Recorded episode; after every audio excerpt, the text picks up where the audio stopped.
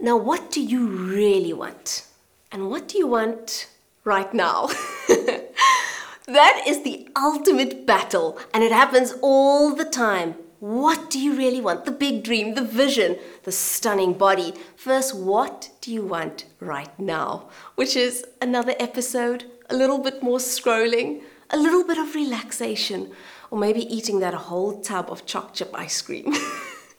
that is the battle that we all face.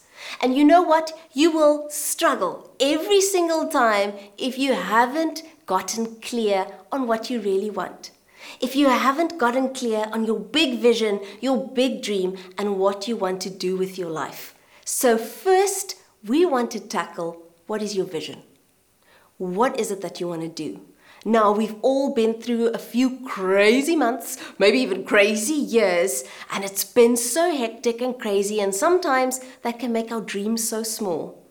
Or they put our dreams to sleep and say, Go to sleep, we'll come back and get you in a few years. But you know what?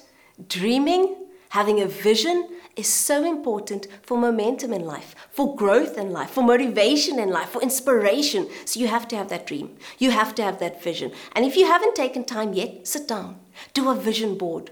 Have a journal. If you're not about pictures and vision boarding, that's fine. Have a journal and write down all the things you want to see in your life. Look at the different areas of your life. What do you want your relationships to look like? What do you want your life to look like? What do you want your health to look like? What do you want your body to feel like? Do you want to feel kind of stuck and you can't move and the hips are always sore? Or do you want to feel loose and limber? Do you want to enjoy your life? Do you want to go on holidays? What is the type of house you want to live in? Who's the type of people you want to be around? What are the conversations you want to have? What is the money you want to make? Those are all questions you can ask yourself to carve out that big and beautiful and bold vision for your life.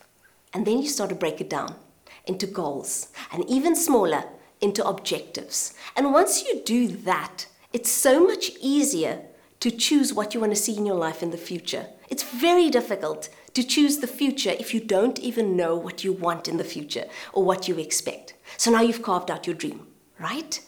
And you start to choose it. Now, I know for a fact when people compete in sport, and they are athletes and they go to Olympics or they play rugby games and they do all these amazing and big things, sometimes they can't go to the braai. Sometimes they can't eat that block of chocolate. Sometimes they can't do the very things they would love to do. Sometimes, if you're on a journey of financial management, figuring out that budget, you can't buy the pair of shoes. I know it's hard. You can't buy the handbag. Oh, it's so hard. Sometimes we have to commit to the vision, to the freedom we choose for ourselves in the future, to the dream, to the difference we want to make, to the impact we want to make. Sometimes we have to commit to that if we want to see it come to pass. Now, choosing what we want right now, which is to go out, to spend, to splurge, to have that fun, or to eat that something that I know I've already had for too many, but just having another. Sometimes we want to do all of that but where is it going to get us? Now, I don't want you to mistake me for thinking you're not allowed to relax, you're not allowed to spoil yourself. I'm all for that. Spoil yourself, relax. But some people have become so relaxed that they just live in feeding their feelings. I feel like this, let's have it. I feel like that, let's have it. I don't feel like going, I don't feel like doing it. And they just live based on those feelings. And then they wonder why they don't see the things in their life that they really want to see. Why don't I ever get the promotion? Why don't I ever get anything exciting to happen? Because they don't see the work that people do behind the scenes.